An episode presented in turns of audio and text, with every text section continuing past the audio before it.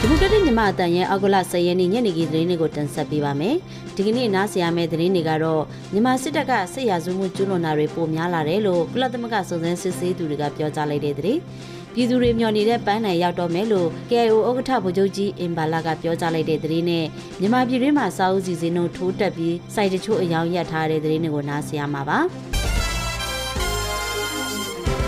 မြန်မာနိုင်ငံမှာစစ်တပ်ကကျူးလွန်တဲ့အစုလိုက်ပြုံလိုက်တပ်ဖြတ်မှုနဲ့လိမ်ပိုင်းဆိုင်ရာကြမ်းဖက်မှုတွေအပါအဝင်ဆရာဆိုးမှုတွေမြင့်တက်လာပြီးခိုင်မာတဲ့တပ်တွေအထောက်ထားရရှိထားတယ်လို့ကုလသမဂ္ဂရဲ့စုံစမ်းစစ်ဆေးမှုတွေကအောက်ကလရှိရက်နေ့မှာပြောကြားပါတယ်။ကုလသမဂ္ဂရဲ့မြန်မာနိုင်ငံဆိုင်ရာလွတ်လပ်သောစုံစမ်းစစ်ဆေးရေးရန်တရား RIMM ကဒီအစီအခံစာထုတ်ပြန်ပြောကြားလိုက်တာဖြစ်ပြီးဆရာဆိုးမှုကျူးလွန်ခဲ့သူတွေကိုရေးယူနိုင်ဖို့အတွက် အမှုတီဆောက်နေတယ်လို့လည်းကုလသမဂ္ဂစစ်ဆေးရေးမှူးကဖြည့်ဆွဲပြောပါရယ်။အဲဒီထဲမှာလေကြောင်းကနေပုံကျဲတိုက်ခတ်မှုတွေပါဝင်ကျေးရွာတွေကိုမိတင်ရှို့မှုအရက်သားတွေနဲ့အတူအဖမ်းဆီးခံထားတဲ့ဒေါ်လာရေးသမားတွေကိုအစုလိုက်ပြုတ်လိုက်တပ်ဖြတ်မှုငင်းမန်းနှိပ်စက်မှုနဲ့စိုးရတဲ့လိမ်မိုင်းဆရာကြမ်းဖက်မှုတွေကိုတင်ပြထားတယ်လို့ဆိုပါတယ်။ မြန်မာနိုင်ငံမှာဆုံးရှုံးနေရတဲ့အသက်တာတိုင်းအတွက်ကြေကွဲဝမ်းနေရပါတယ်အထူးသဖြင့်ဝေဟင်ကနေဘုံကျဲမှုတဲ့မီးရှို့မှုတွေကတော့တကယ်ကိုတုံ့လောက်စရာပဲလို့ IIML အကြီးအကဲဖြစ်သူ Nicholas Gunjan ကပြောပါတယ်မြန်မာစစ်ဗိုလ်ချုပ်ကြီးတွေကသူတို့ရဲ့ကိုယ်ကဲမှုအောက်ကစစ်ရာဇဝမှုကျူးလွန်မှုကိုတားဆီးရမယ့်အပြင်အပြစ်ပေးရမယ့်တာဝန်ရှိနေတယ်လို့ IIML ဖွဲ့ရဲ့အစီအခံစာမှာ နိုင်ငံတကာဥပဒေအရရှင်းပြထားပါတယ်။လူငယ်ထိန်းသိမ်းရေးစခန်းအများပြားမှာလိမ်မိုင်းဆိုင်ရာကြမ်းဖက်မှုနဲ့နှိပ်စက်ညှဉ်းပန်းမှုအပြင်တခြားပုံစံတွေနဲ့အပြင်းထန်နှိပ်စက်တယ်လို့အထောက်အထားတွေပုံမရရှိလာတယ်ဆိုပြီးအစီရင်ခံစာမှာဖော်ပြပါတယ်။ KIO KIA ဖွဲ့သားတွေအနေနဲ့ပြည်သူလူထုဘက်မှပြက်ပြက်တသားမမမမတ်ရက်တီကြဖို့နဲ့စစ်ကောင်စီဟာတစ်နေ့တက်တစ်နေ့ကြာဆုံးလာနေပြီဖြစ်လို့ပြည်သူလူထုတရက်လုံးမျှော်လင့်နေတဲ့ပန်းနိုင်ကိုရောက်ရှိနိုင်တော့မယ်လို့ ကချင်လွတ်မြောက်ရေးဖွဲ့ KIO ဥက္ကဋ္ဌဗိုလ်ချုပ်ကြီးအင်ပန်လာကပြောကြားလိုက်ပါတယ်။ဩဂုတ်လ10ရက်ဒီကနေ့ကြာရောက်တဲ့48နှစ်မြောက်ကချင်အာဇာနည်နေ့မှာ KIO ဥက္ကဋ္ဌဗိုလ်ချုပ်ကြီးအင်ပန်လာရဲ့ကချင်ဘာသာနဲ့ရေးသားထားတဲ့မိကုံးမှာပြောကြားထားတာပါ။အခုချိန်ဟာစစ်ကောင်စီတပ်တွေကိုမြန်မာပြည်သူလူထုတရက်လုံးကတော်လှန်နေတာဖြစ်ပြီးလူရည်ပုံများတဲ့မြန်မာပြည်သူတွေကိုယ်တိုင်က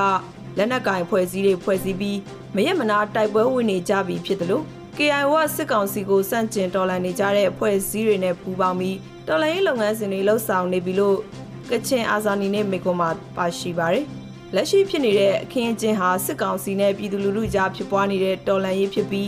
KIO KIA မှုတန်းတွေပြည်သူလူထုဘက်မှပြက်ပြက်တသားမမမမတ်ရက်တီဖို့နဲ့ KIO KIA မှုတန်းတွေနဲ့ပြည်သူလူထုတရက်လုံး KIO ချမှတ်တဲ့နိုင်ငံရေးလမ်းစဉ်ကိုလုံခြုံမှုရှိရှိဆက်လက်စ조사ဆောင်ရွက်သွားကြဖို့ KIO ခေါင်းဆောင်ကတိုက်တွန်းပြောပါတယ်။ တနိုင်ငံလုံးပြစ်ခတ်တက်ခတ်မှုရဲ့စရေးသဘောတူညီစာချုပ် NCA ပြည့်ပြည့်သွားပြီလို့ကီမျိုးသားစီယုတ်ကေနူကအောက်ကလ10ရက်နေ့ဒီကနေ့နေ့လယ်ပိုင်းကမှကျင်းပတဲ့သတင်းစာရှင်းလင်းပွဲမှာပြောကြားလိုက်ပါတယ်။ကီမျိုးသားစီယုတ်ရဲ့18ကြိမ်မြောက်ကွန်ဂရက်ကနေရွေးချယ်တင်မြှောက်လိုက်တဲ့ခေါင်းဆောင်တွေရဲ့ရက်တရာပြည့်သတင်းစာရှင်းလင်းပွဲမှာအထွေထွေတွေးမှုပဒိုတာဒိုမူက DVB ရဲ့မေးမြန်းချက်ကိုဖြေကြားသွားတာပါ။ဒီကနေ့ပြုလုပ်တဲ့ KNU ရဲ့သတင်းစာရှင်းလင်းပွဲမှာပဒိုတာဒိုမူကဒီကနေ့မြန်မာနိုင်ငံတဝလုံးမှာကြုံတွေ့နေရတဲ့နိုင်ငံရေးစီးပွားရေးလူမှုရေးအကျပ်တဲနဲ့လက်နက်ကင်တော်လှန်မှုတွေဟာ2021ခုနှစ်အာဏာသိမ်းပြီးတဲ့နောက်မှသာဖြစ်ပေါ်လာတဲ့ပြဿနာမဟုတ်ပဲလွတ်လပ်ရေးရပြီးချိန်ကစပြီးမြန်မာနိုင်ငံကိုအုပ်ချုပ်ခဲ့တဲ့အစိုးရအဆက်ဆက်ကဖြည့်ရှင်းမှုတောက်လျှောက်ပြက်ကွက်ခဲ့တဲ့နိုင်ငံတည်ဆောက်မှုပြဿနာဖြစ်ပြီးအဓိကအဖြစ်တိုင်းသားတွေရဲ့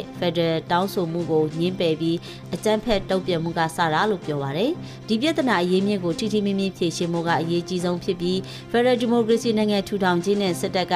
နိုင်ငံရေးကနေပါဝင်မှုကနေထွက်ပြေးရမှာဖြစ်တယ်လို့ပလိုဒါဒိုမှုကပြောပါရယ်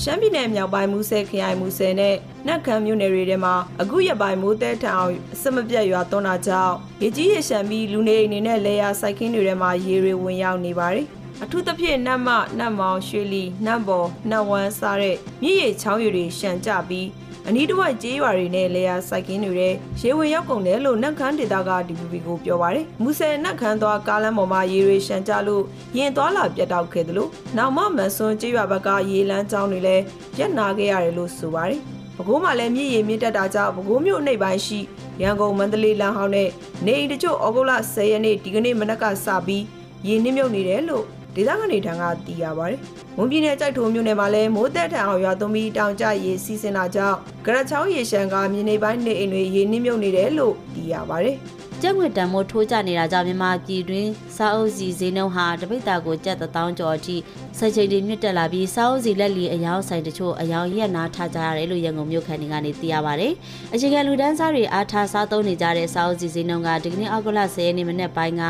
နေရာဒေသအပေါ်မူတည်ပြီးတပိတ်တာကိုလက်လီကျပ်9300ကနေ14000ကျပ်အထိမြင့်တက်လာတာကြောင့်စားသုံးသူတွေအခက်အခဲတွေ့နေရတယ်လို့သိရပါတယ်။ ပြည်တွင်းလိုအပ်ချက်ရစာအုပ်စီကိုပြည်ပကနေနိုင်ငံကြားငွေနဲ့ဝယ်ယူတင်သွင်းနေရတာဖြစ်လို့ဒေါ်လာဈေးရုတ်တရက်ထိုးတက်တာကပြည်တွင်းစာအုပ်စီဈေးကိုပါမြင့်တက်စေခဲ့တာဖြစ်တယ်လို့စာအုပ်စီလက်လီအယောင်းဆိုင်ပိုင်ရှင်တူကပြောပါရယ်စစ်ကောင်စီကကျပ်2000တန်ငွေစက်ကူအစ်စ်ကိုရိုက်ထုတ်ပြီးတဲ့နောက်မှာအရင်ကတည်းကတန်မိုးကျဆင်းနေတဲ့မြန်မာငွေတန်မိုးဟာပုံမကျဆင်းသွားပြီးစာအုပ်စီပါဝင် ပြည်ပကနေနိုင်ငံသားငွေနဲ့ဝယ်ယူတင်သွင်းရတဲ့ကုန်ပစ္စည်းတွေဟာလည်းဈေးနှုန်းတွေမြင့်တက်လာတာဖြစ်ပါတယ်။ဒေါ်လာဈေးနှုန်းက2000တန်ငွေစက်ကူအသစ်ထုတ်ဝေမယ်လို့ကြေညာကြတဲ့ကဒေါ်လာကိုကျပ်3000ဝန်းကျင်မှာပဲရှိခဲ့ပြီး2000တန်ထုတ်ဝေပြီး10ရက်အကြာဒီကနေ့မှာတော့ဒေါ်လာကို3445ကျပ်ကနေ3485ကျပ်အထိမြင့်တက်ရောက်ရှိနေပါတယ်ရှင်။